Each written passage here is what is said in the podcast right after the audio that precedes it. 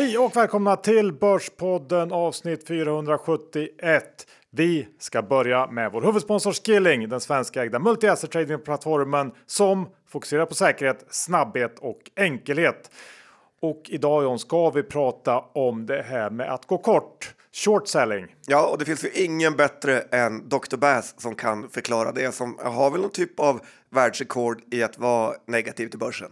Ja, ibland blir det rätt och ibland blir det fel. Men just nu har det ju varit rätt att gå kort och därför vill vi ju upplysa alla lyssnare om Skillings utbud när det gäller att då korta aktier, eh, råvaror, index eller vad man nu vill gå kort för att utbudet är enormt. Ja, och det är ju precis lika lätt att eh, gå kort som att gå lång på Skilling och det är det vi gillar. Ja, och när vi är inne i en sån här period där börsen går ner och det är eh, negativt där ute, då är ju det här ett bra sätt att eh, hedga sin portfölj om inte annat. Verkligen. Ja, och då har ju Skilling då branschledande villkor och man kan ta flexibla tradingstorlekar och dessutom så är det ju noll courtage. Ja, det är underbart. Så är det. Så att eh, öppna ett konto om ni inte redan gjort det. Enkelt bara surfa in på skilling.com eller ladda ner appen. Och behöver man hjälp så har de ju den svenska kundtjänsten. Men kom ihåg 80% av retailkunder får pengarna hos CFTR så besök skilling.com för fullständig ansvarsfriskrivning. Och John, eh, med det, vad säger vi då? Ett stort tack till Skilling! Ny vecka John, nytt Börspodden avsnitt. För vi lägger oss inte ner och ger upp så där bara. Nej, hade jag jobbat på kommunen så kan vi säga så här, då hade jag kanske inte gjort den här podden. Men det gör jag inte. Nej, det gör du inte. Eh, Så nu gör vi den helt Ja. enkelt. Festa på ålderns höst är inget man ska göra. Inget jag rekommenderar. Nej. Men som vanligt ett avsnitt fyllt av det senaste och bästa. Det kommer det vara. Och vi har ju dessutom träffat Coelis två toppvaltare, Henrik Milton och Andreas Brock. Och snackat med dem om läget och utsikterna, så det får ni inte missa. Vi är denna vecka sponsrade av Hedvig som ju är försäkringsbolaget som ger dig 100% digital bekvämlighet och femstjärnig upppassning. Det här gillar vi.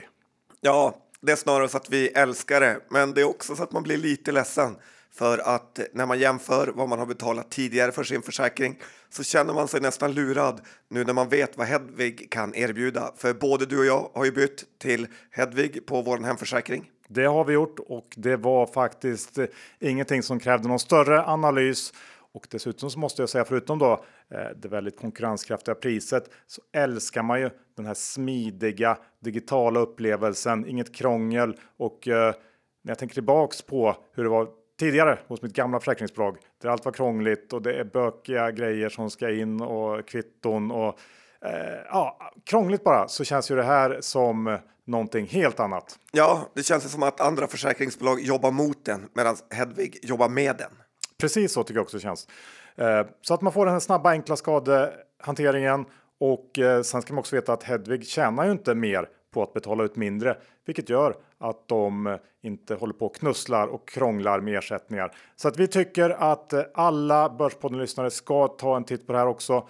Eh, och vi har ju lyckats skaka fram en rabattkod eh, som ger 50% rabatt i tre månader på alla Hedvigs försäkringar och det här gäller då nya kunder.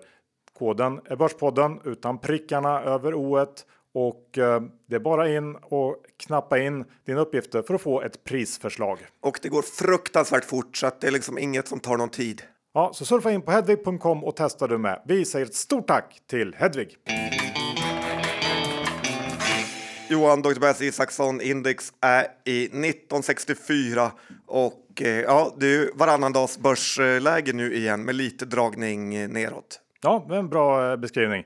Eh, för börsen har ju ändå varit ganska sur under veckan som gått. Vi spelar ju in idag på eh, mitt på tisdagen eh, och idag är det uppåt. Men i måndags var det ner och ja, så där har det varit. Man kan säga att efter Powells snack där i Jackson Hole så ja, jag fick i alla fall känslan av att verkligheten kanske börjar sjunka in lite grann. Att det är ett bra tag kvar innan centralbankerna kommer att ta foten från bromsen. Och som man brukar säga så ska man inte fight the Fed. Så att jag tror ju att det kommer att fortsätta med den här dragningen neråt. Ja, man brukar säga så om man inte pratar med Kviberg. Ja, för då får man inte det. Nej, då får man inte det. Man ska inte bråka med eh, Fed. Ja, Bra sagt. Tack. Eh, men det är ju som, det är ingen panik på något sätt, utan det känns mer som ett lätt gnetande neråt och uh, vi får sådana här rejäla studsdagar däremellan.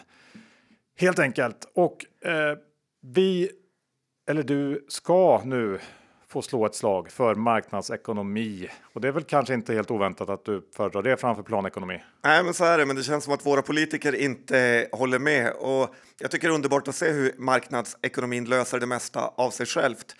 Nu när de här höga elpriserna är på tapeten överallt så vet man att folk laddar sina elbilar på natten när det är billigare. Man kanske inte kör bastun eh, nu när det är så dyrt och fler och fler installerar solceller. Säkert är det också fler företag som väljer att producera på andra timmar än då elen är som dyrast. Vi såg ju senast idag hur Nordic Paper eh, stänger ner lite av sin produktion här för att elpriserna är så höga. Och dessutom, eftersom alla som säljer el tjänar multum nu så kommer massa företag söka sig till den här branschen och på så sätt pressa priserna. Det som känns mest läskigt är ju att politikerna konstant är inne och förstör alla naturliga processer med kortsiktiga och värdelösa stöd som förstör det naturliga kretsloppet i en ekonomi. Coronastöden visade hur galet det blev när storföretagen sög upp det mesta av pengarna för att sedan dela ut eh, året efter och de som behövde stöden som mest blev utan. Precis så kommer det bli den här gången också om politikerna får bestämma när marknadsekonomin istället borde få sköta allt själv. Ja, så jag håller faktiskt med dig till 100 procent och kanske lite till. Eh, låt det här bara vara så får det ordna sig eh, av sig självt. Det kanske gör lite ont eh, kortsiktigt, men på lång sikt så är det ju så ofattbart mycket bättre än att börja dribbla med olika eh, stödsystem och bidrag hit och dit, vilket bara skapar en ännu större statsapparat och det vill vi inte ha. Det vill vi verkligen inte. Nej, vi på BP-partiet. Nej, så är det. Ja. Det kommer bara vara du och jag då. Ganska efficient. Det kommer vara efficient. Uh, så att uh, släng in en röst på oss om ni är osäkra. John, uh, sen vill du ta upp uh, någonting som har att göra med den svenska sportjournalistiken. Kanske lite apart ämne här i Börspodden, men låt gå. För Nej, du men... är ju medgrundare och Sådär. Så ja, men tack Johan. Lite. Nej, men jag tycker faktiskt inte att det är det för att eh, det handlar ju om pengar och det är sån enorm dubbelmoral när det kommer till svenska sportjournalister och eh, pengar. Läser man som jag ofta Sportbladet så har de ju sågat alla hockeyspelare som någonsin spelat i KHL, alla fotbollsspelare som spelat i Kina. Henrik Stensson, som nu har valt att spela på Livtouren, är ju så sågad satt och slaktad och förnedrad man kan bli. Och nu har man senast gett sig på Alexander Isak i Newcastle eftersom Saudiarabien äger den klubben. Och eh, snart så kan man nog vänta sig en ny attack på fotbolls-VM. Samtidigt är det just de här sporterna som de bara skriver om. Det går ju inte två timmar utan att det har skrivits något om ett transferrykte. Det är poddar om Premier League, det är full bevakning på alla Champions League-matcher och det är PSG och Messi eh, och så vidare. Och om nu allt är så hemskt med de här sporterna så skriv lite mer om speedway, handboll och rugby då. För sen ska man komma ihåg hela Sportbladets hemsida. Det sponsras ju av bettingbolag typ Bet365 och nya Expect. Så att, ja, jag tycker verkligen de får ta och rycka upp sig lite för de styrs lika mycket av pengar som precis alla andra. Vi eh, vänder blickarna mot eh, dig John, för du gillar ju faktiskt att straffa dig själv. Det gör jag. Ja, plågar dig hårt och länge. Jajamän. Ja. Och du ser glad ut. Det gillar du.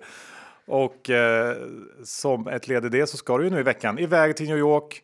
Och det är alltså då efter att dollarn gått upp nästan 18% mot vår svenska krona bara i år. Det är väl någon slags rekord i självplågeri. Um, men om vi istället fokuserar lite på börsen då och de effekter den här utvecklingen får där så gynnar det såklart en hel del bolag. Uh, och nu när vi står inför en höst som antagligen kan bli ganska tuff så kan den här kudden vara värd en hel del. Och samtidigt så gäller det också det motsatta. Eh, de bolag som köper in mycket dollar men säljer i SEK eller någon annan svag valuta, de kan få en dubbelsmäll i form av både valuta motvind och en svagare efterfrågan. Eh, ofta är det ju eh, konsumentbolag, H&M är ett sådant exempel på bolag som inte mår bra av det här. Men ett tips här är att kolla årsredovisningen, för där brukar bolagen ofta ha en liten känslighetsanalys över hur valutan slår så det kan vara värt att ha i bakhuvudet och vara förberedd på inför kommande rapporter.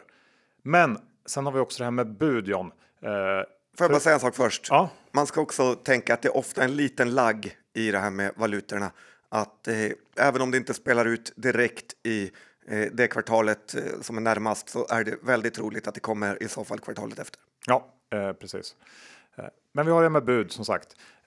Förutom då börsnedgången i år på vad det nu är, eh, 25-30% så får ju amerikanska bolag också ytterligare nästan 20% i eh, mängdrabatt tänkte jag säga, men eh, extra rabatt på våra bolag i och med valutan. Och det vore väldigt konstigt nu om inte ett gäng svenska börsbolag blir uppköpta i höst. Det är ju många som skriver om det här och vi borde se någon slags budfest här. Liten reservation kanske för att vi skulle kunna få någon slags total börskrasch som sätter stopp för alla typer av affärer. Men annars så är allting upplagt för just budfest. Och John, jag vet att du har kikat lite grann på det här och eh, du har plockat fram några bolag som skulle kunna bli uppköpta. Ja, eh, vi har ju redan haft en budfest här. Det är massa bolag som blivit utköpta och en ännu större budfest. Ja, men jag tror det också. Och media har ju hakat på. Placera och kört en sån här uppköpslista. Affärsvärlden har köpt den. Så att jag tänkte att det kan då ändå vara på sin plats att killen som har boots on the ground kör en som kanske är mest känslig av alla. Där ute, näsan. Hypersensitive Johan. Är du redo? Gärna ja. kommentarer mm. efter varje bolag. 1 ja. till 5 kan vi köra, mm. enkelt. Nummer ett, Bull. Medtechbolaget som fullständigt havererat kursmässigt efter de senaste rapporterna och eh, mycket på grund av att de har viss verksamhet i Ryssland. Grenspecialisten har ju tidigare lyckats få bud på både MultiQ och GOP och Bull skulle kunna vara lockande för något riskkapitalbolag att köpa ut. Eh, dels för att eh, de behöver lite mer resurser för att utveckla nya produkter men också för att stärka upp ett eh, medtechbolag som Bull lite mer och det borde vara värt mer än de här 22 kronorna kan jag tycka. Um, ska jag börja med betyget eller lite kommentarer? Eh, det får du helt välja själv Okej, okay, jag börjar med lite kommentarer. Dels eh, som du sa, Gren specialisten och Gren har eh, varit lyckosamma i år. Jag tror kanske att det är slut på turen nu, bara baserat på det. Det är lite väl om de skulle få ett tredje bolag uppköpt, så det talar emot. Sen var inne på Ryssland, det talar ju kanske emot. De har väl också haft mycket försäljning till Indien där det varit mycket problem som är också en orsak till att det gått lite sämre på slutet. Va? Och sen undrar jag lite, är, är det här så jäkla avancerat? Vill man ha den här grejerna? Jag vet inte. Nej, jag vet inte heller. För tillfället vill börsen inte ha det. Nej. Men tidigare, för ett halvår sedan, ville man ha det. Jag ger det faktiskt en ett och en halva bara. En och en halv. Oj Ja, kan så... du få zona dyrt för sen när jag och Gren kommer fira stora triumfer? Ja, festen vill jag. Kommer du inte få gå på kan jag säga. Nej. Nummer två, Evolus Vind. Slite Vind blev nyligen utköp, utköpta av Orrön och det verkar som att de letar allt man kan komma över just nu. Evolus är mycket större än Slite, men det är ändå långt ifrån sina toppkurser. Även om de hade en riktig liksom, kanonrapport, eller blev i alla fall kanonbelönad av börsen idag med sin rapport. Och visst att Evolus är lite mer av en uppförare av vindkraftverk än en producent av el. Men samtidigt har vi sett många fastighetsbolag tidigare köpt bostadsutvecklare för att komma åt lite mer av värdekedjan. Så att jag tycker ändå man ser det som en möjlighet att Evolus blir utplockade. Och eh, ja, betyg och kommentar? Eh, kommentar, eh, möjligt, men i så fall eh, beroende på att eh, en eventuell köpare dras med i någon slags vindhås som för det känns ju inte eh, rätt att köpa ut någon tycker jag. Dyrt, Eh, lite så här, varför kan man inte göra det själv bara? Vad har de som, som inte går att få tag på? Jag är tveksam. Eh, men det skulle kunna bli någon slags effekt av en allmän vindhås så att någon känner att man måste verkligen köpa det här. Eh, kanske, men ah, två av fem.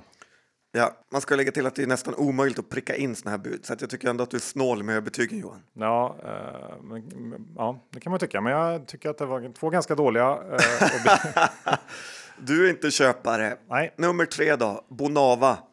Och det här är också ett bolag som havererat i och med att de har Rysslands exponering men också för att det inte är så krispigt att vara en bostadsutvecklare i Europa nu när folk inte ens kan betala elräkningarna. Samtidigt är det ju kanske då det är läge att snappa upp något billigt. Bonava är ju stora i hela Norden och Tyskland och eh, det är väl inte omöjligt att någon vill komma över det. Att Nordstjärnan själva gör en sån här Svedol, man köper upp det, eller att NCC köper tillbaka det här är två alternativ som jag tycker känns ändå ganska logiska. Ja, eh, här vaknar jag lite till liv. tycker att du ändå har grävt lite djupare här. Det här är ett bättre förslag. Eh, framförallt om jag då försöker sätta mig in i perspektivet av en potentiell budgivare. Att här kan man faktiskt skrapa upp någonting som har blivit överkört och ligger och flyter liksom på gatan på botten. Så att, eh, det kan jag gilla att eh, det finns något värde där för någon. Och eh, ja, här får du en fyra Oj då. av fem. Jag tycker det är kul att du sitter och liksom blundar som något sorts medium och känner verkligen av börsen. Men bra att du tar det på allvar. Eh, nummer fyra då. Det är ju eh, Serad. Elekta skulle kunna vara sugna på att plocka upp Serad nu i den här strålsvackan vi ser generellt i alla bolag i den här sektorn verkar gå igenom. Många pratar om att Elekta ska bli utköpta, men jag tycker att eh, man kanske glömmer bort att Elekta borde vara sugna på att köpa Serad. Det finns många synergier här som Elekta skulle kunna nytta av genom att äga hela Serad. Och även om Elekta har en svag period nu så är ändå det ganska små pengar för dem att köpa det här bolaget och jag tror de vill passa på innan någon annan slår till. Ja, jag kommer att prata faktiskt lite om Elekta och eh, uh, Research senare, så det passar ju bra att du tog upp eh, eh, det tredje bolaget i sektorn här i Sverige. Och ja, det här är väl. Jag har inte tänkt på det förut så. Det är väl ingen av dem man brukar prata om, men varför inte? kanske lite som så här desperationsåtgärd från Elekta som ju ändå man måste säga har gjort marknaden besviken ganska länge nu och det känns ju lite som att det är något större fel på Elekta tycker jag nästan. Det är någonting som inte funkar helt enkelt. Så att ja, i någon slags desperation för att försöka få igång saker och ting så kanske de kan lägga ett bud där. Ja visst, jag lägger en, en trea. Ja, nej, men det är något som inte funkar i Serad heller eftersom den aktiekursen har ju havererat eh, med. Nummer fem då. Hennes och Maurits. Nu går jag upp en nivå här. Mm. Börja blunda Johan, känn, mm. sug in. Eh, nej, men det går ju så dåligt det kan gå för H&M just nu. Aktien är på corona lows. Det ser mörkt ut för konsumenten och retail går överlag jättedåligt. Och det här i kombination med att marknaden har noll förtroende för hm familjens kompetens att styra längre. Eh, kanske vill de slippa mediebevakningen och dessutom är det ju billigare än någonsin nu nästan att plocka ut eh, det här bolaget. Jag gissar att familjen Persson har många, eh, liksom mycket pengar utomlands i dollar och euro och så vidare. Eh, så att eh, alternativ två här att de bara lägger ett bud på en ganska låg nivå för att se hur mycket aktier de kan samla in. Ja, det här snackas det om titt som tätt eh, och eh, Ja visst, det är, aktien står lågt, men det är ju samtidigt en ganska rejäl peng även för familjen Persson att hosta upp med. Och vill man verkligen double down på det sättet i en business som, eh, om man ska vara ärlig, inte gått särskilt bra på väldigt många år. Jag läste någonstans här i veckan att vinsten är typ halverad eh, från 2015. Det är inte någon jättekul utveckling eh, och eh, jag vet inte. Jag undrar om de verkligen vill det. Borde de inte gjort det tidigare? Ja, det är möjligt. Men eh, ja, allt beror ju på. KJP kanske tar ytterligare ett dåligt beslut och köper ut. Det var väl eh, någon analys ute i veckan här som eh, menar att eh, vinsten skulle ner enormt mycket om det var 40 procent eh, baserat på olika råvarupriser som gått upp och att eh, ja, dollarn har de ju också som, som jobbar mot dem. Det, det kan ju komma ett tillfälle här kommande kvartal när, när eh, aktien verkligen blir pressad. Och eh, ja, vem vet, om man är på gott humör då, pappa Persson när han vaknar, kanske han slår till. Ja, och eh, sen får man väl kanske se det längre än något kvartal för hm familjen som har haft det här sen grundande typ. Så, att, eh... så är det absolut. Men jag ger det en två och en halva. Ja, nej, men det var ju ingen jättesensationell grej jag kom med där. Nej. Man har hört den förut. Ja. Ingen femma fick du? Nej, men ett till. En Aha. liten outlier. Mm. Ett, eh, liksom, det gubbar borde köpa ut och det är Nimbus. Det är ett bolag som gör fantastiska båtar och tjänar massor med pengar nu, men värderingen är ju löjligt låg. Det har varit rekordår och börsen är ju livrädd för att det är tuffare framåt.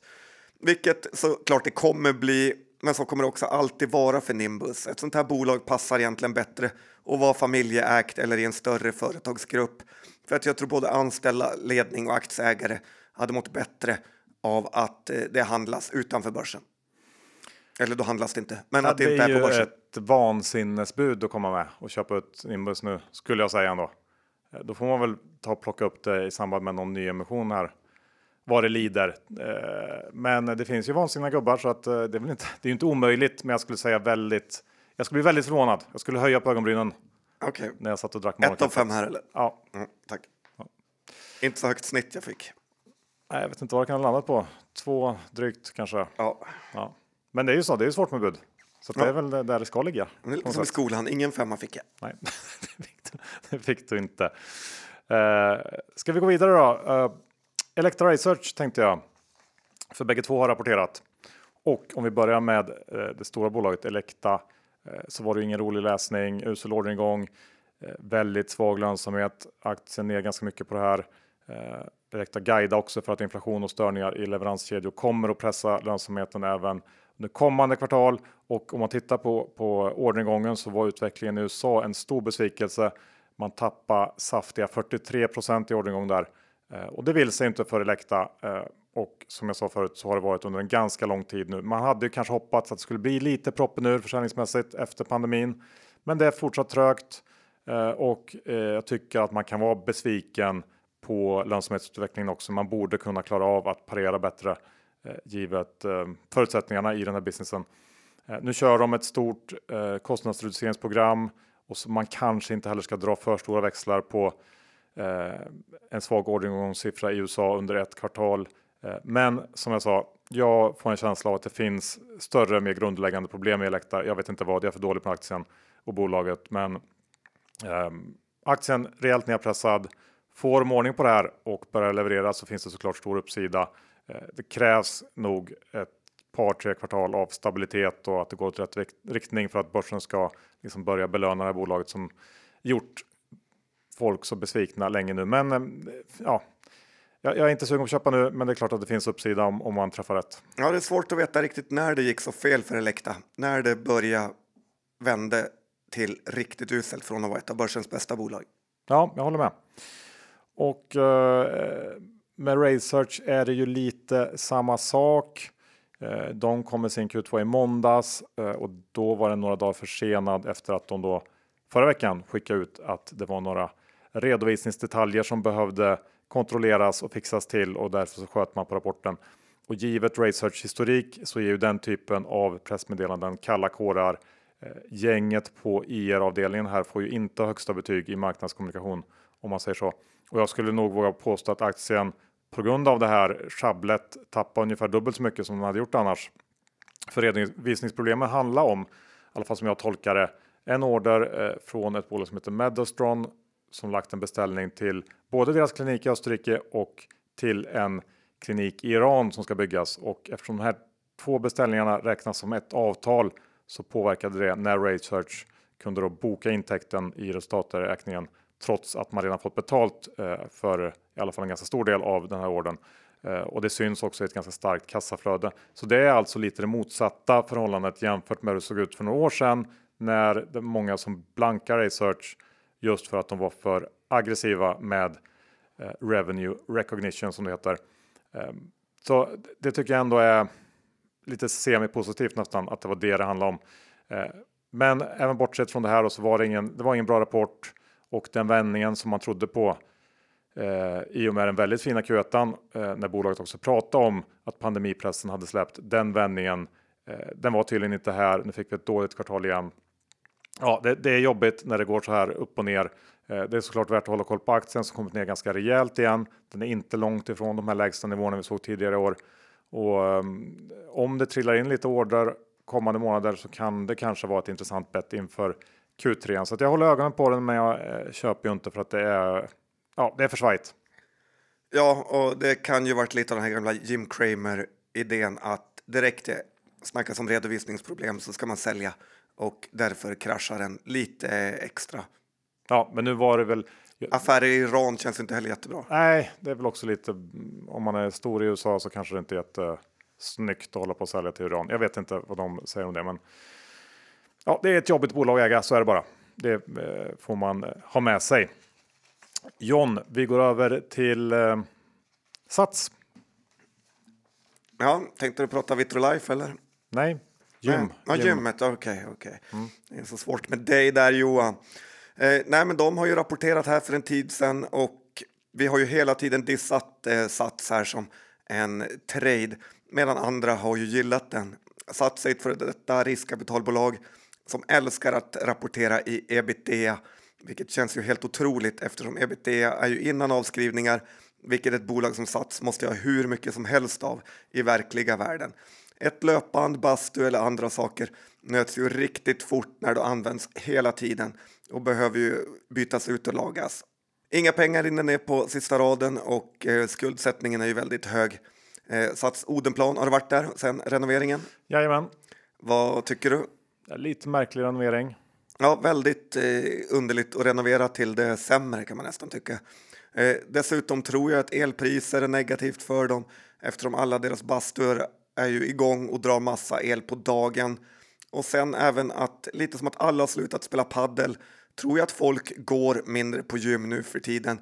Och det här vi har pratat om också, om att alla utegym som har slagits upp också har tagit på marginalen bort en del eh, kunder. Så att ännu ett norskt aktiehaveri. Aktien är 11 kronor nu. Ja, jag är inte heller sugen på att köpa Sats. Uh, Net Insight är ett bolag som det var länge sedan vi tog upp i podden. Vad har du att säga om dem? Nej, men jag tycker att det är lite kul att de har verkligen gjort en comeback här med en aktie som har gått från under 4 till långt över 5 nu på bara en månad. Och först kom de ju med en ganska fin rapport, Net Insight, eh, som visade väl att de var lite på gång. Och sen på två veckor sedan fick de en rekordorder på den Nimbra Edge av en amerikansk operatör. Och nu hoppas man väl att det är på väg att lossna för dem ordentligt med 5G-utrullningen. Jag har sålt mina aktier här nu efter att ha legat back på dem i nästan ett halvår.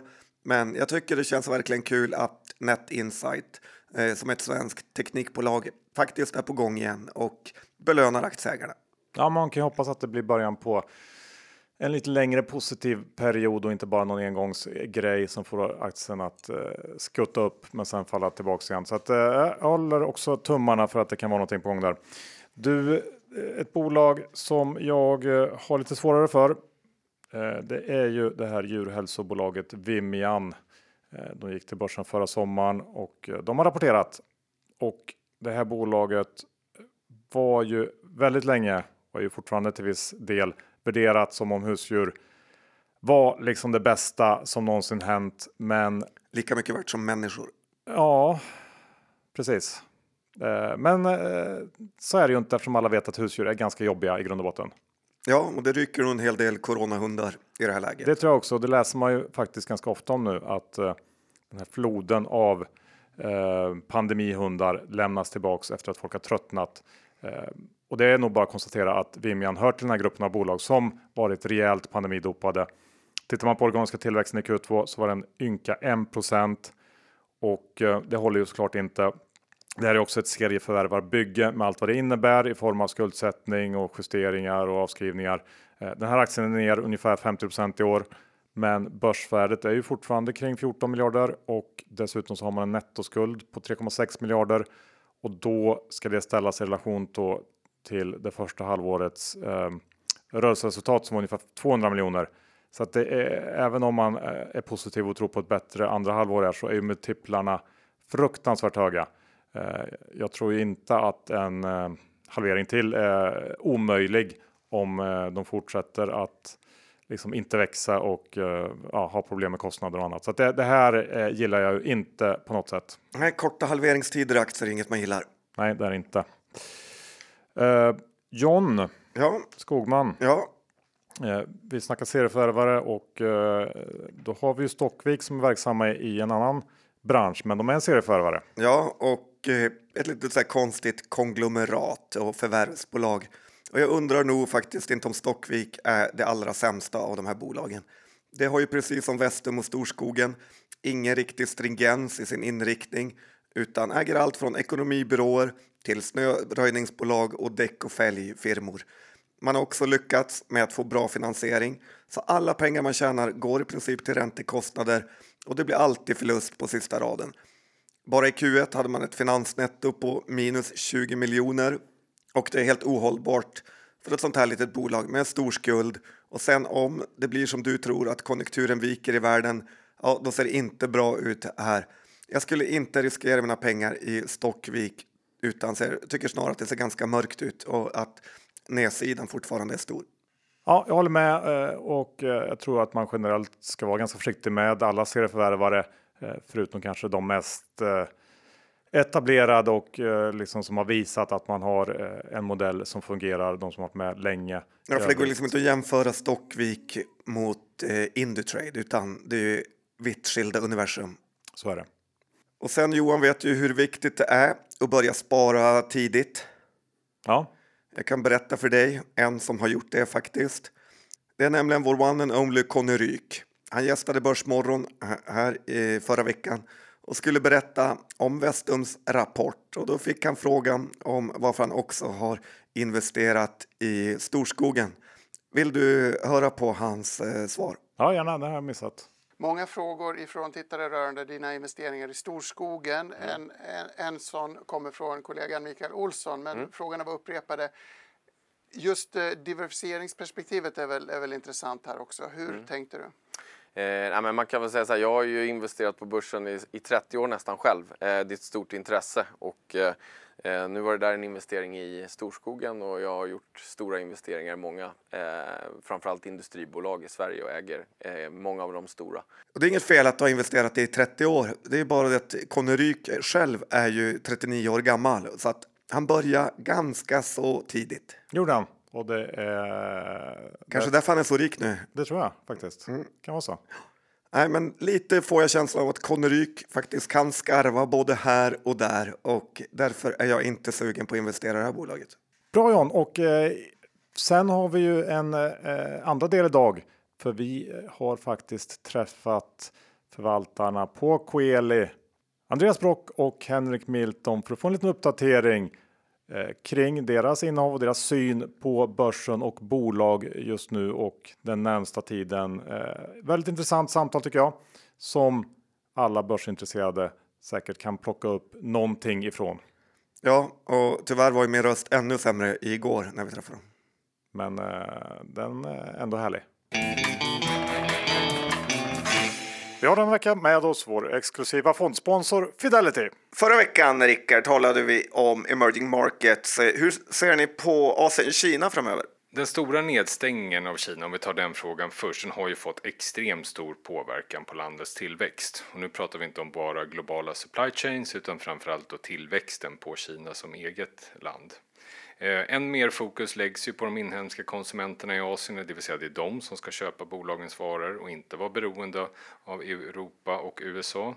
Eh, vi börjar se en liten ljusning inom techsektorn i Asien och även tech har ju haft det extremt tufft under de här perioderna, nästan ett och ett halvt års tid nu.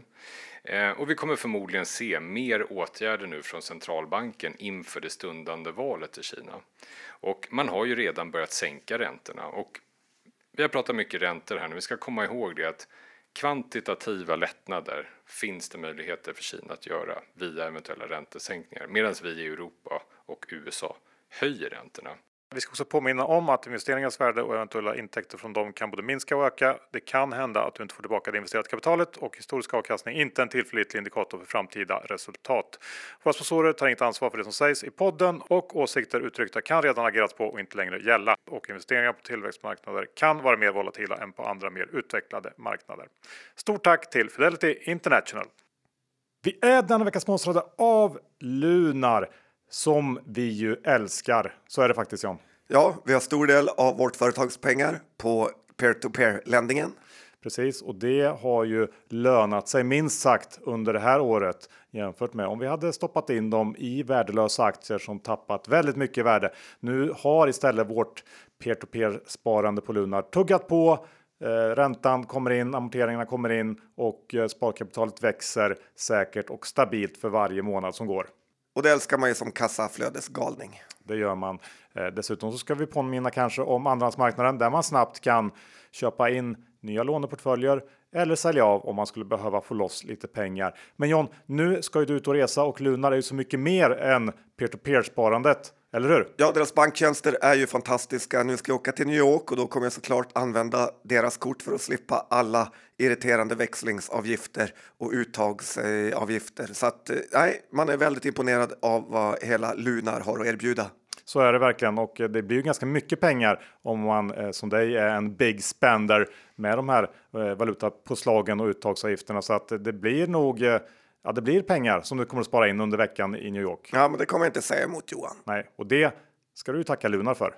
Ja, så tack Lunar. Ja, eh, ni som ännu inte har upptäckt det här härliga Lunar universumet. Ni gör det enkelt genom att surfa in på lunar.app och eh, ja, därifrån kommer man igång snabbt och enkelt. Så vi säger tack till Lunar! Andreas Brock och Henrik Milton från Coeli Global. Välkomna tillbaks till Börspodden.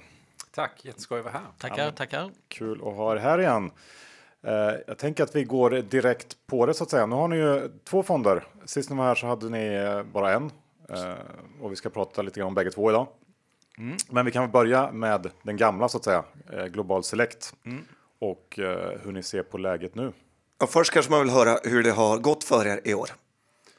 Ja, men då, eh, ja, vi är nere vi också. Vi, vi ligger där och pendlar runt en minus 7-8 procent eh, mm. beroende på vilken dag det är. Liksom. Det, har inte varit, det är inte skoj. Eh, vi tycker ju om när vi slår nya all time high. Men jämfört med många andra fonder, liksom, även om man har valt rena Sverigefonder eller fastighetsfonder eller små, svenska småbolag, då kan man vara ner 20, 30, 40 liksom. Så att det, det, det, det, har ju fungerat. Ehm, våra, liksom, vår riskspridning, var mycket i USA, vi har de här stora fina, många av de här fina bo, bolagen. Liksom. Så att uh, riskspridningsmässigt har det, har det fungerat. Men uh, vi vill ju vara upp och vi kommer ju fira med champagne när, vi, när, när, när fonden slår, uh, är, på, är på den positiva sidan igen.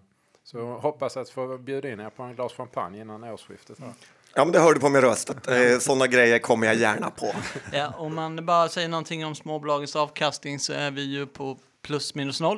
Uh, man kan säga att vi startade den i slutet av mars och uh, det var ner, nedförsback i början och sen har, det varit, uh, har vi tagit igen det då. Det är ju inte uppförsback utan det har gått bra. Så att, vi är på plus minus noll skulle jag säga, så att det känns bra. Ja, men det är väldigt bra gjort i det här klimatet. Ja, tackar. Mm.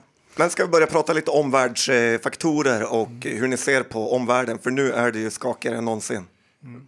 Både ja och nej. Första, om vi tar första halvan har ju varit en, en värderingskris. Det har inte varit någon ekonomisk kris. Det är inga, eh, är det några massuppsägningar någonstans? Är det någon bank som håller på att gå omkull? Nej, nej, nej. Det är liksom det är 100 pers på Klarna, det är 200 i Kalifornien som ska få sparken på Tesla liksom och någon, någon anställer inte mycket mer just nu. Så att det är ju ingen, det är ingen, hittills har det inte varit någon ekonomisk kris. Det är ju ingen, ingen som går under liksom. Det är inga, inga problem. Däremot har det ju varit en värderingskris. Vi gick ju in året med väldigt höga värderingar och sen så kom ju den här ränte, inflations slash räntechocken liksom. Som, så nu är ju frågan inför halva, andra halvåret, nu börjar vi se att nu börjar inflationen komma ner. Det var ju en jättefin siffra i fredags ju. Så nu över, över och jag, vi, jag, jag blev jätteglad där 14.30 när, när den kom. Sen så kom ju Powell och, och, var, och var ju väldigt eh, eh, liksom hawkish. Men, men rent allmänt så var det ju en bra inflation. Vi vet ju att inflationen är ju på väg åt rätt håll nedåt. Så att eh, jag tror de närmsta sex månaderna blir ju en, en fight mellan liksom eh, Kommer verkligen inflationen komma ner så, så snabbt som vi hoppas på och, och kommer de att höja, hur mycket kommer de att höja räntan till? Vår syn, och den gäller väl fortfarande, är ju vi har haft samma syn sedan sex månader. Att september blir liksom piken på räntehöjningarna. Eh, uh, ECB vill göra det här. De vill komma upp på nollräntan. De behöver göra det. Uh, och där någonstans den räntehöjningen är liksom piken i, i takten av räntehöjningar och sen så börjar det kylas ner. Vi lyssnade på franska eh, vdn för Société Générale, en av Europas största banker, och han pratar ju om räntesänkningar 2023. Liksom. Så att det, det värsta är väl förhoppningsvis, vi är väl där nu liksom och, där, och sen är det Sen tickar på. Sen pratade ju jag och Henrik väldigt mycket om liksom den enorma diskrepansen mellan vad företagen säger och vad de, hur de rapporterar och, vad, och liksom hur, hur börsen beter sig. Henrik? Nej, men du säger att vi har ju gått igenom eh, 45-50 olika bolagsrapporter i sommar och eh, jag ska säga att det är kanske fem av dem som har det lite problem. Resten, för, resten av företagen pratar ju faktiskt om att det går ganska bra för dem, att de, de växer vinsterna. Och sen har de i sig en, en inflammationsproblematik, så att kostnader ökar för material och löner och så vidare. Men de hanterar det bra, men sen så när vi tittar på marknaden så talar den ett helt annat språk där det är mer liksom skräck och rädsla och så vidare. Så att det, det är två olika språk. Ja.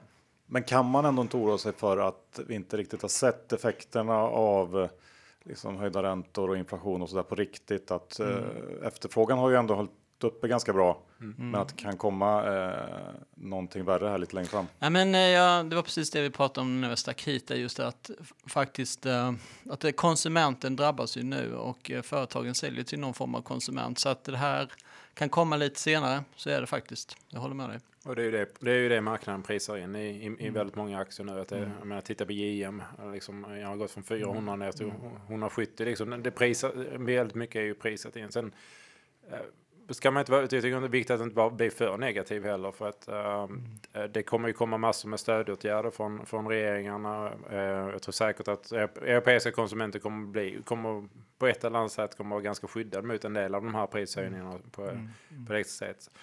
Får vi sen räntesänkningar, sen ska man inte underskatta heller att, att det, om vi satt här för två år sedan så sa vi ju att ja, men vi hoppas att vi får inflation för att det gräver ju ur skuldbördan. Så vi, om du tittar på om det, liksom, det västerländska regeringar jobbar med är ju debt to GDP. Men nu ångrar du dig lite, eller? Ja, men, ja, men, ja, men rent allmänt så kommer ju eh, BNP öka väl nästan med 10% i nominella termer i år och skuldsättning ökar inte alls lika mycket. Så rent skuldsättningsmässigt så kommer ju många regeringar komma ut ur 2022 i en bättre balansräkning än vad de var när de gick in. Vilket innebär att de kan börja eh, göra lättnader. Så att jag, jag tycker det är farligt att uh, bli för pessimistisk. Och tittar man sen på vad våra företag gör, det är ju fantastiska saker. Uh, förvärv, nya produkter, nya marknadsområden de går in i. Dem. Så att, uh, ofta har man tendens då i sådana här tider att, att man fastnar i den här makro. Uh, det är så mycket makro, makro. Ja visst, men titta på vad som händer på bolagen då. Och det händer ju jättemycket alltså. Positivt. Men det här med elprishärvan som är på allas eh, läppar, hur tror ni det kommer spela ut? Elpriset kommer ju vara värst för alltså, de företagen som köper in mycket el för att producera. Bra analys. Som är väldigt snabb och kort. Men, men, men jag tänker på, sen är det ju kanske ett av de största hoten mot eh, de, alla privatpersoner, då, konsumenter, i och med att de får liksom en ex, extra skatt då för att eh, ja, helt enkelt har plockat bort några, några kärnkraftverk och så vidare. Vi har hört den debatten i, i media och så vidare. Så att, jag tror att det kommer bli lite tuffare här. Men, men som sagt var, eh, jag har tittat på vad vi gick igenom alla, hela portföljen, portföljen idag. Vi tittar på vinsttillväxtsiffrorna och jag, många gånger så tror de är lite för svaga för att eh, det finns inte med några förvärv där till exempel och så vidare. Och sen, eh, vi kommer ju komma till den här timingfrågan senare här, va? Men, men det får ju bli en liten cliffhanger. Men just att man, när man ska göra en bra affär så måste det ju vara något litet fel på aktien. För det är då den är billig, va? men då får man ju vara lite uthållig. Att man ska vänta kanske två, tre år innan man får tillbaka pengarna. Men så kan det komma en väldigt brankt hockeysticka upp sen. Va? Så att vi får inte glömma bort att det är köptillfällen också nu. I bra bolag. Men det låter ändå som att ni försöker att se lite grann runt hörnet. Eh, Det kanske blir lite tufft här ett tag, men, men eh, att ni ändå ser att många, många viktiga parametrar eh, som har pikat eller på väg att pika på något sätt. Och det är ju också om du tänker på vad, vad, vad spelar vi för roll? Vi förvaltar ju tiotusentals människors pengar. Långsiktiga pengar, pensionspengar. Vi är inte spekulerare, vi investerar. Vi ska investera i, i, i de, här, de här pengarna på ett långsiktigt. Ja, om, de, om de närmsta tre, sex månader blir lite stökigt, är inflation upp det. det vi, vårt jobb är ju att titta två till tre år framåt och säga vilka företag vill vi äga oavsett vad inflationen är, oavsett vad räntan är, vilka är det som kommer skära rakt igenom det här. Och, eh, och träffar man då våra företag, jag bara en gång, man lyssnar på konferenssamtalen, det är ju enorm arbetskraftsbrist i USA. Vi lyssnade på en eh, jordbruksmaskinsåterförsäljare nu eh, i förra veckan och de bara, ja, men, de får ju inte ut jordbruksmaskinerna tillräckligt snabbt. Liksom. Det, det är ju fortfarande stor brist på, på väldigt mycket. Så att eh, det är rätt bra tryck där ute. Men vi kan väl ta det här eh, timingfrågan då när vi ändå är lite inne på det. Eh, hur, hur ser ni på det? Jag tänkte att jag har ju, eh, om vi tar lite i, i vi tar småbolagsfonden, även den stora fonden. Det finns ju några aktier där som, eller bolag som jag tycker har blivit intressanta, men det är ju något litet fel på det. Om jag tar till exempel S&P Global. Det är det här stora fina amerikanska företaget som, som säljer sin rating när man vill emittera en företagsobligation. Just nu är marknaden, den har ju frysit lite grann när det gäller företagsobligationer och då, då dyker ju den omsättningen från den sidan. Men alla vet ju att företagen måste ha kapital framåt och när vi träffas nästa år igen så går det säkert jättebra för dem. Höll på att säga skitbra, men man ska inte svära. Men, men det kommer gå jättebra för dem, för det är ju en, en, någonting som man måste ha. Man måste ha kapital.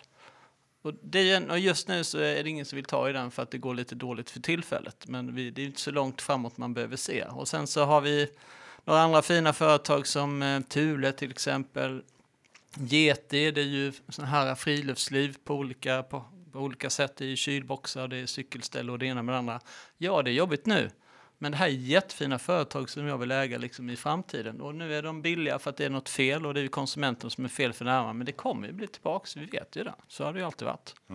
Är det något bolag ni nyligen gått in i eh, på grund av att tajmingen har varit extra bra?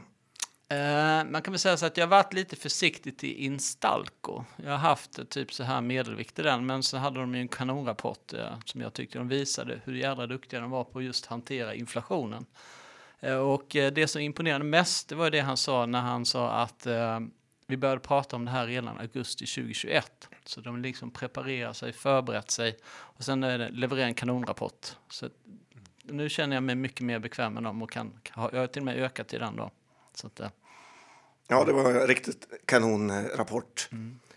Vad är er största position just nu i Selectfonden? I, i Selectfonden då eh, så är Martin Marietta den största positionen. Eh, det är då eh, vårt byggnadsmaterialföretag som ju gynnas av eh, eh, alla de här eh, inflationssakerna. Det som är roligt då med just byggnadsmaterial i USA det är att de här st- enorma stora infrastrukturprogrammen är redan klubbade, pengarna börjar komma. Så vi vet att de närmaste tre åren är, är då tillväxt. Och sen har vi Martin Marietta, en sån här fantastisk, de säljer sten helt enkelt. Eh, en väldigt enkel produkt. De har en fantastisk prispolicy. De, I bra tider höjer de priset, i dåliga tider höjer de priset. Så de höjer alltid priset med ungefär 4 per år. Detta år tror jag nästan det blir 10 prishöjningar. Om du då tänker att du sitter på en, stenbrott då och kostnaden är ju tagen nu. Och sen så höjer du priset med, säg då, 4 till 10 procent varje år. Du kan bara tänka er hur marginalen går. Så fastän att volymerna bara ökar om 2-3 procent per år så kan ju EPS öka med 15 till 20. Så det, det har varit en, eh, en fantastisk position. de Ja, lite svårt åren. att förstå skånskan där. I, vad hette bolaget? Martin Marietta sitter i North Carolina. Men det är avknoppat av något, eller? Nej, ja, det, det stämmer väldigt bra. Så förr i tiden så gjorde Ma- Martin Marietta för många årtionden så det varumärket användes även från försvarsindustrin. Eh, och det är de som har varit med ett tag känner till det för det. Men just nu så är det, eller sedan många årtionden tillbaka så används det varumärket bara för uh, stenbrotten. Och sen att lägga till där, det är ju det att eh, makadam eller singel och grus vad det är när man bygger ett hus. Det är ju bara kanske 5-6 procent av hela totalvolymen. Så det innebär att de kan ju höja priset på en ganska liten del. Hade man varit eh, träfabrikant och ska skicka in liksom virke till ett husbygge så slår det ju mycket större på hela projektet. Ja, intressant. Eh, vad har vi mer då i, i Selectfonden? Eh, har ni gjort några större förändringar här under, under året Ja. eller positionerat er på något sätt för Ja. att hantera? Ja, vi tänkte lite grann på vad vi har sagt till er också, om man lyssnar på de förra avsnitten med er då. Och vi, eh, den, den stora förändringen vi gjorde var ju att vi har minskat vår fastighetssektor. Så fastigheter var ju nästan 15 procent av fonden från 2014 till 2021. Ja, ni var stora i Vonovia. Vi var stora Vonovia, tyska fastigheter. Vi köpte tyska fastigheterna när de kostade 12 000 kronor kvadratmetern. Jag kommer ihåg att jag ringde från en eh, lägenhet i Berlin ner till Henrik och så sa jag det är billigare i, i Berlin än Hörby, där jag kommer från byn. liksom då, då vet man att det var billigt. Och vi red ju den sektorn under sju år. Det är rätt lång tid att sitta i aktier. Eh, och många av våra företag blev uppköpta på vägen. Vi tjänade väldigt mycket pengar. Under 2021 så började vi ta ner vikten eh, allt eftersom. Det började kännas rätt. Vi, vi satt kvar i Vonovia ett tag till. Vi trodde eh, liksom, eh, att det fortfarande gick bra. Men för, vi gick ju från 15 procent av fonden ner till 5 och nu är vi ungefär runt 2 då. Vi har sålt av allt. Och jag tycker det visar, visar liksom vad, vad det är som är vårt jobb. När fastigheter är hett under sju år, ja men då är fastigheter en stor del av fonden. När, nu är det 2 procent, det är inte hett liksom. Det kommer komma en dag igen, om två år, tre år, jag vet inte när det är. Det, då, är då är fastigheter 15-20 % av fonden igen. Men just över vår förmåga att, att flytta oss mellan eh, jag tycker synd om det. Jag ser många som, eh, vi träffar ju mycket kunder, privatpersoner, många har suttit i de här fastighetsfonderna. De är ner 40 procent i år liksom. Du vet, du ska ju nästan dubblas bara för att komma tillbaka igen till den nivån. Och det är väl det som jag tycker är skoj med vår fond, att ja, vi har de här sektorerna och sen så jobbar vi med vikterna. Har ni något eh, svenskt fastighetsbolag? Nej, det har vi inte. Och var eh, har ni placerat de här pengarna som ni fick loss från Ja, vi, fastigheterna? vi, kö- vi ökade healthcare då, så under slutet förra året, även eh, början på detta år. Så bort från, eh, från eh, eh, fastighetsbolag, mer in i healthcare. Och eh, det tyckte var roligt, vi hittade ett schweiziskt bolag som heter Siegfried. Ett väldigt roligt företag. Så att, eh, vad vi identifierar, vi identifierar trenden att kontraktstillverkning rent allmänt oavsett vad, vad det är kommer eh, är en väldigt ökande industri i Europa. Alla flyttar hem produktion, allting ska tillverkas i liksom de här olika regionerna i världen. Så i småbolagsfonden så äger vi många olika kontraktstillverkare. I, i stora fonden, då, i Selectfonden så äger vi till exempel då Siegfried. Då, det, de är specialiserade på läkemedel då. Och eh, vdn är, är olympisk mästare i fäktning. Eh, och han eh, skolade sen om sig och blev doktor i kemi och har då jobbat tillsammans med ordföranden i, i, i lednings, av företaget nu då som vd i över tio år. Och eh, på tio år, de första tio åren så ökade omsättningen med 200 procent. Och eh, om vi läser mellan raderna så förstår vi att de närmaste tio åren så har de, siktet är på minst samma resa igen. Och det roliga är då att vi i, vår analys så intervjuar vi alla ledande kontraktstillverkare. Eh, vi, vi tittar på indiska företag, amerikanska företag och sen identifierar vi att just, det är just Siegfried vi vill äga i Schweiz då. Hade ett möte med ekonomichefen och de kom in med en sån gudomlig rapport.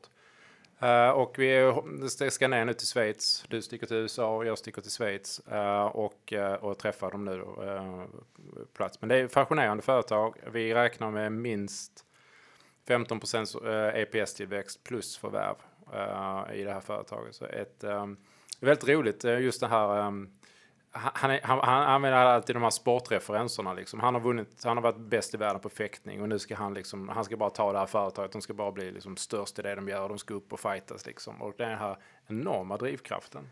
Låter som en profil. Ja, ja, ja verk, verkligen. Uh, så Siegfried Holding uh, nere i Schweiz, det är väl ett sånt uh, företag som vi känner att vi har, vi har mycket i den och vi, uh, vi, vi gillar verkligen det här. Och, och nu pratar jag alltså att vi gillar det här företaget på tio års sikt. Vi tror alltså att vinsten kan bli, om jag skjuter från höften lite grann, någonstans runt 4 till 500 procent större på 10 år. Och då tror vi också att aktien kommer gå 4 till 500 procent på 10 år. Och för de pensionspengar som vi förvaltar så känner vi att det här är liksom en ocyklisk industri, en aktie som kan bli 4 till 5 gånger större på 10 år. Load up. Men om man ändå pratar kontraktstillverkare, ni är stora i noter med. Det stämmer, japp. Mm. Vi är ju fan av Johan Hagberg, ja. men berätta lite är det inte läge att ta hem vinsten här då? Nej, det tror jag inte. Utan jag tror att den här trenden med att uh, homeshoring och att man flyttar produktion till uh, i Sverige och Europa, den kommer fortsätta. Vi har ju det här finska Incap också som är på samma tema då va? och jag behåller dem väldigt gärna. Han är ju jätteduktig. Vi träffade ju det här uh, företags, en av ägarna till det här företaget för många, många år sedan Johan. på Johan. Ja. ja precis. och jag bara tycker att det här, här var någonting vi ville köpa. Det var lite för stort, förlåt för litet för våran stora fond, men det passar utmärkt småbolagsfonden. Så att jag är väldigt förtjust i det här. Måste jag säga. Ja, men det var också en av, en av anledningarna till att vi startade den här småbolagsfonden. Då. Det, vi träffar noter, uh, vi har flera möten med dem, kan inte köpa dem för att de är för små. Mm. Aktien går tio gånger pengarna och vi sitter bara och tittar på. Liksom. Jätteroligt. Uh, fruktansvärt frustrerande. Och eh, då när listan börjar, på sådana här bolag börjar bli ganska lång då så känner vi att ja, men, eh, vi, vi tar och rekryterar eh, ett par personer eh, och, vi, och vi själva är involverade och startar den här småbolagsfonden så att vi kan liksom få utlopp för våra idéer. Mm. Hur mycket pengar har ni AUM där? Ja, vi har, vi har passerat 100 miljoner kronor. Det tycker jag är jättebra jobbat. Vi startade med 10 miljoner för fyra, fem månader sedan. Så nu är vi tio gånger det. Så det är fina inflöden och lite avkastning på det, så det är härligt. Ja, men det är ju, det är ju en spännande inriktning och som du säger, det går ju att hitta kanske lite mer eh, Eh, ja, lite mer intressanta innehav också som eh, har mer potential. Man kan inte gå igenom några, några case i den här fonden. Nej, men eh, som sagt, ja, vi har några stycken här som är in, intressanta. Eh, men jag tar till exempel, om vi börjar här med till exempel vi har i, när det är hållbarhet så har vi ett företag som heter Energy Recovery. Det är ett bolag som, eh, som tillverkar en apparat där man då kan återvinna värmeenergi när man då renar saltvatten till sötvatten. Och eh, så ni vet vattenbehovet är väldigt, väldigt stort i världen. Och så det här är ju en, en otroligt häftig grej liksom som, som de kan tjäna pengar på.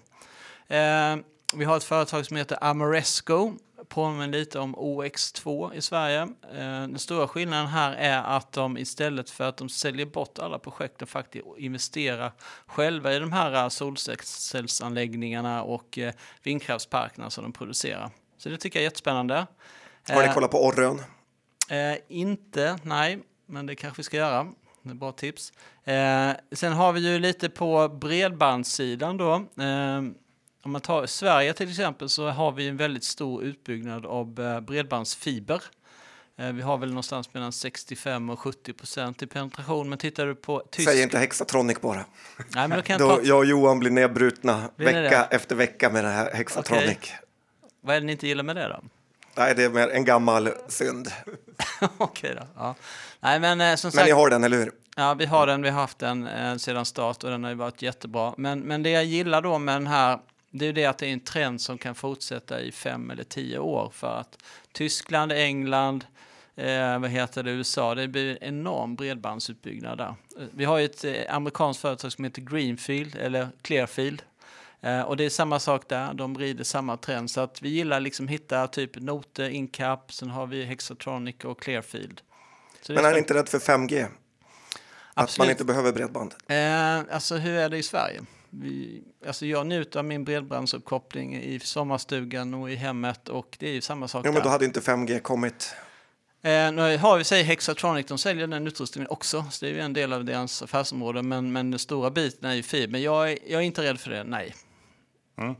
Ehm, ni har ju, ja, Hexatronic är ju svårt att argumentera mot som det har gått nu på slutet. Eh, CTEC då, där kanske det ändå går att argumentera emot om man tittar på rapporterna. För det Ja. har varit lite svagt ändå. Ja, men, men det fina är ju att eh, vi startade i fonden när det hade varit svagt ett tag, så att vi har en väldigt fin anskaffningskurs på den. Och eh, jag var, eh, förra hösten så var jag på Manhattan och eh, under hela den veckan så såg jag fem Tesla-bilar.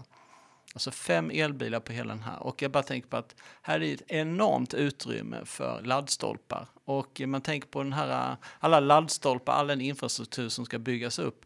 Det där vill jag gärna vara med på. Så jag tycker CTEC, dessutom så gillar jag vdn. Jag tycker han är, han är bra. Uh, han gör ju precis det som man vill ska göra. Nu har de ju då byggt upp laget ganska mycket, men det är ju för att kunna leverera plus att de har haft leveransproblem och i den här rapportfloden, om man då tittar på de industriföretag vi äger, så alla har ju problem med supply chain och framförallt elektriska komponenter.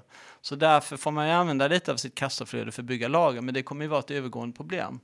Men det det vi pratar lite grann om det här med timing. Man kan ju hitta de här företagen som har lite små fel för närvarande, där det kommer bli bättre sen. Har ni tittat på Campower eller Garo? Varför blev det just eh, CTEC? Eh, ja, Garo gillar jag också. Jag har inte tittat på det andra som du nämnde. Nej, men jag gillar, eh, jag gillar CTEC, det de gör. Och sen nu då, eh, det är Latour va, som är storägare där. Eh, de är ju också en väldigt bra ägare, så det var väldigt positivt då, att de fick köpa mer. Eller, ja. Ni har även Nordnet. Berätta lite hur ni ser det som att det är ett av de absolut bästa företagen i världen. Ja, men, Spara med Ara, var det ni hjärnan bakom? ja, jag lyssnade på den låten, den var ju väldigt vacker. Men eh, jag, jag gillar Nordnet för, av flera anledningar. Dels så är det ju alla nya pengar som kommer, liksom alla unga människor som ska starta en ny bank och ska spara någonstans, de, de kör ju Nordnet eller Avanza. Eh, Nordnet är ju lika stora som Avanza men använder hela Norden. Eh, de kan ju växa liksom på flera marknader än vad Avanza kan till exempel.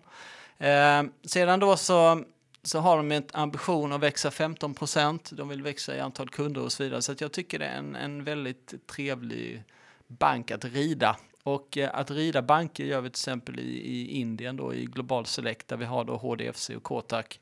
Och det är ett bra sätt att liksom eh, tappa av lite på den svenska ekonomin i termer av flöden då. Alltså löner, eh, sparande och allt sånt.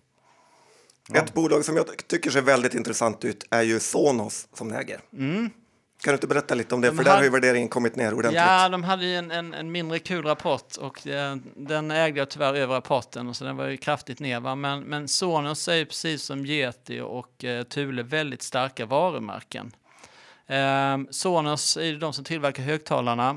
Samma sak där att de hade lite problem med just eh, att få fram komponenter till sina högtalare, vilket gör att de höll tillbaka omsättningen lite grann. Men det som var negativt där på rapporten var ju att de hade en sämre, sämre omsättning än förväntat. De tog ner guidance och sen så ja, gick, eh, gick aktien ner. Men återigen, det här blir ju också en fin timing då, för att Sonos-högtalarna är ju väldigt populära. De kom ut med en ny sån här högtalare Eh, som man kan sätta under tvn och den kostar bara 300 dollar. Jättebilligt tydligen.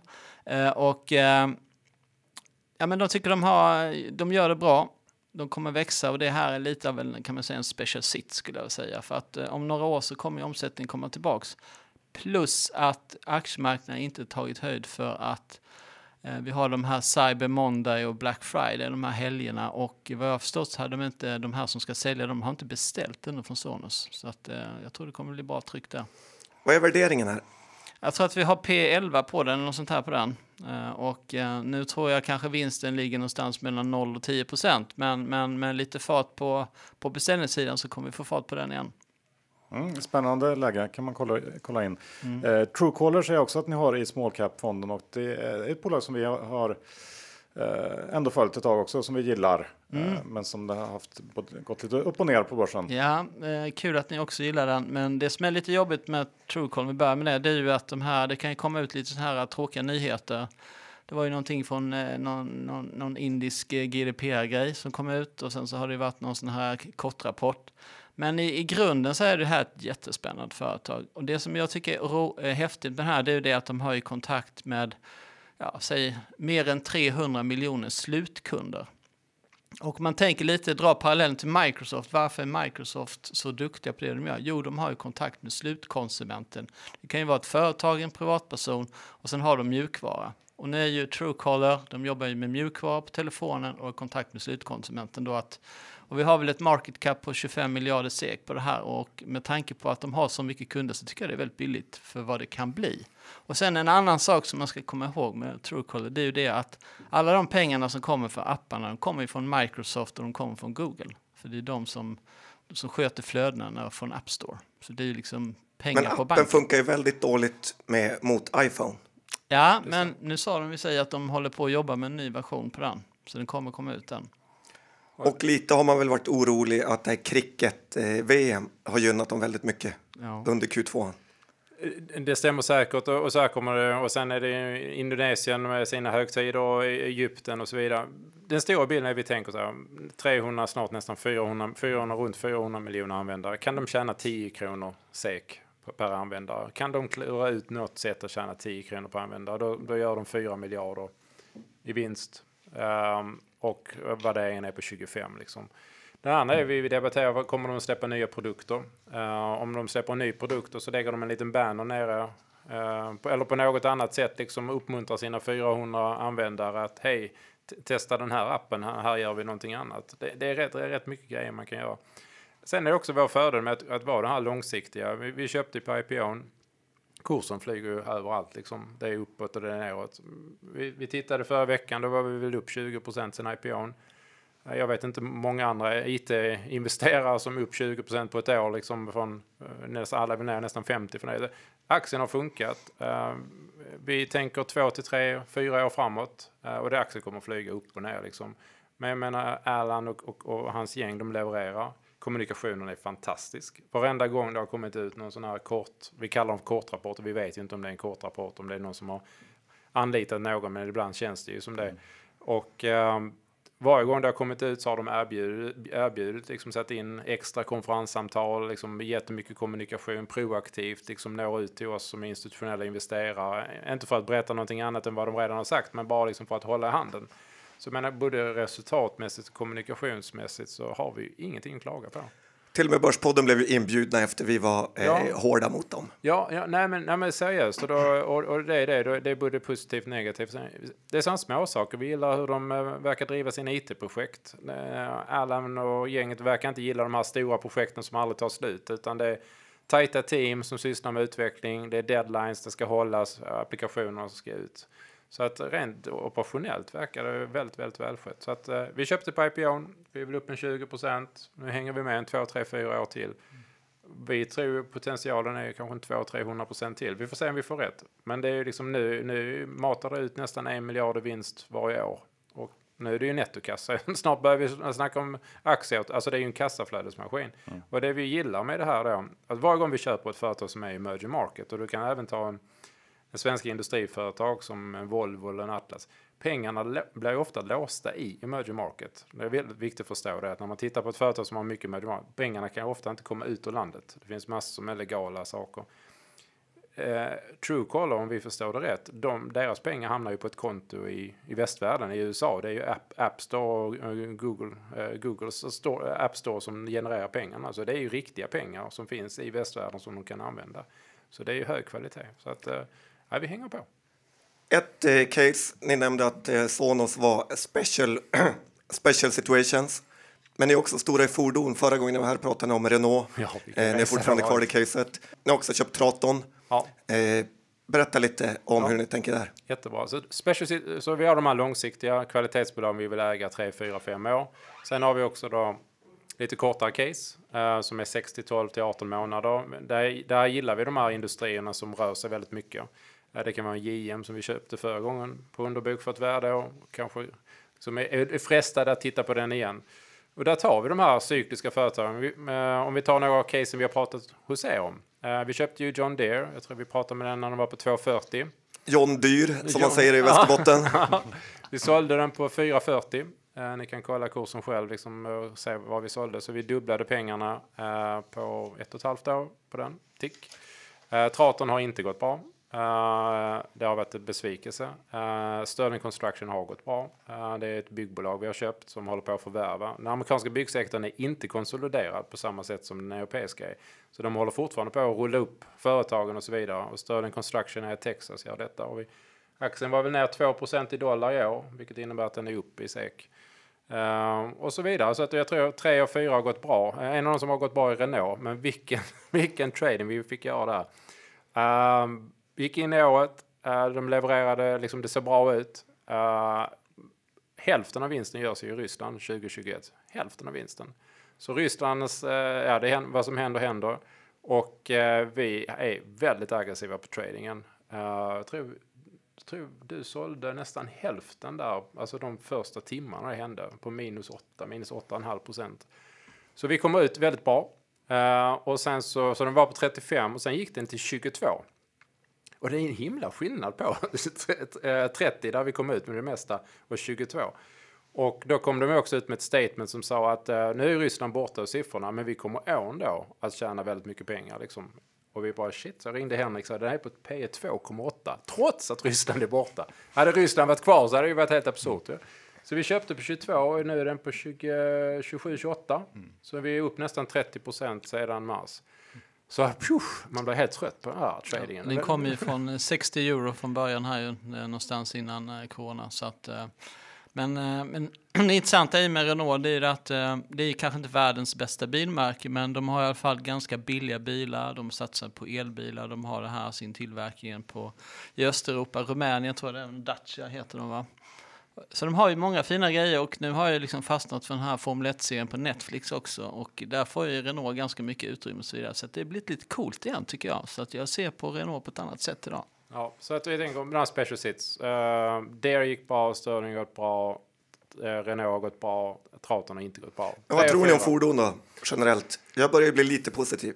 Ja, jag, Ford gick ju ut i förra veckan nu och sa att eh, de minskar investeringar i Spanien på grund av konsumentoro och bla bla bla. Nu vet man, eh, ibland säger ju företag det här bara för att de, det är väldigt svårt att säga upp folk i Spanien så kan du skylla det på någonting så kan du liksom komma, komma det är väldigt svårt att säga upp folk i Spanien.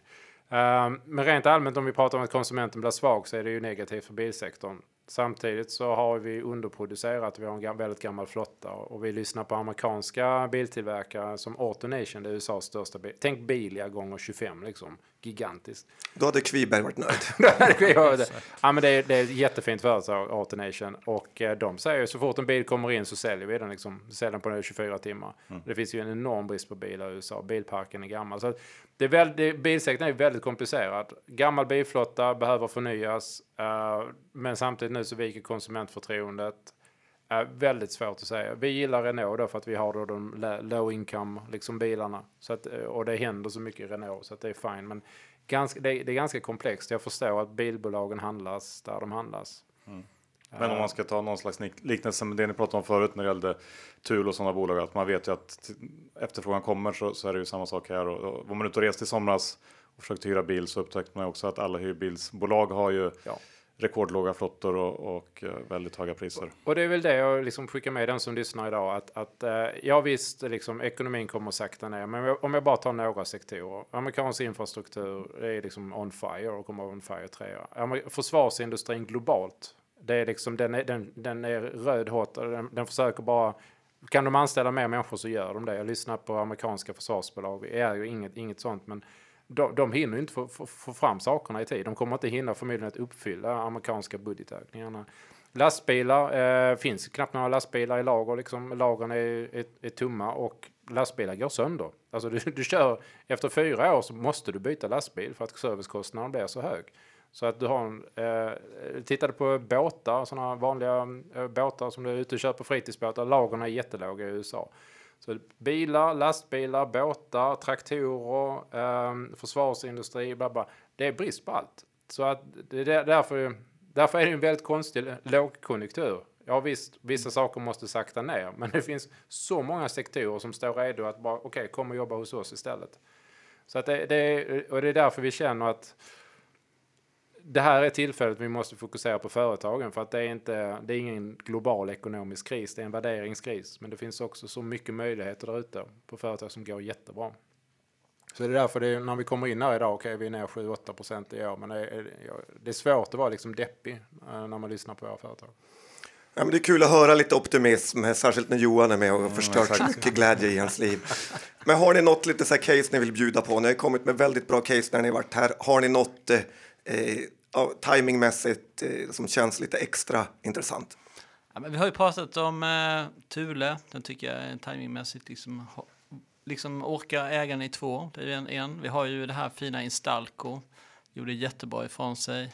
Vi har ett amerikanskt installationsbolag som heter Comfort System som också är mästare på att flytta över kostnader på kunden. Eh, de rider ju den här eh, homeshoring-trenden i USA plus att eh, Texas är jättehett att komma dit. Vi var ju där i, innan sommaren här och de berättade att det är massa bilar från Kalifornien. Företag flyttar hit till Texas för att det är bättre att bedriva företag i den här staten. Så det, är, det är några idéer tycker jag. Joe Rogan-exemplet, eller hur? Absolut. Nej, nej, men Texas är, eh, det, finns, det går jättestarkt. Alla flyttar till Texas. Men rent allmänt, och sen när det gäller oss då, vi skriver ju väldigt mycket. Vi försöker vara väldigt kommunikativa. Vi skriver mycket på vår blogg. Om man inte orkar gå in på bloggen så kan man ladda ner vår app. Vi har inte 400 miljoner användare som Truecaller. Men det går faktiskt väldigt bra för våra nedladdningar. Coeli Global heter appen. Vi skriver nästan varje vecka om våra företag.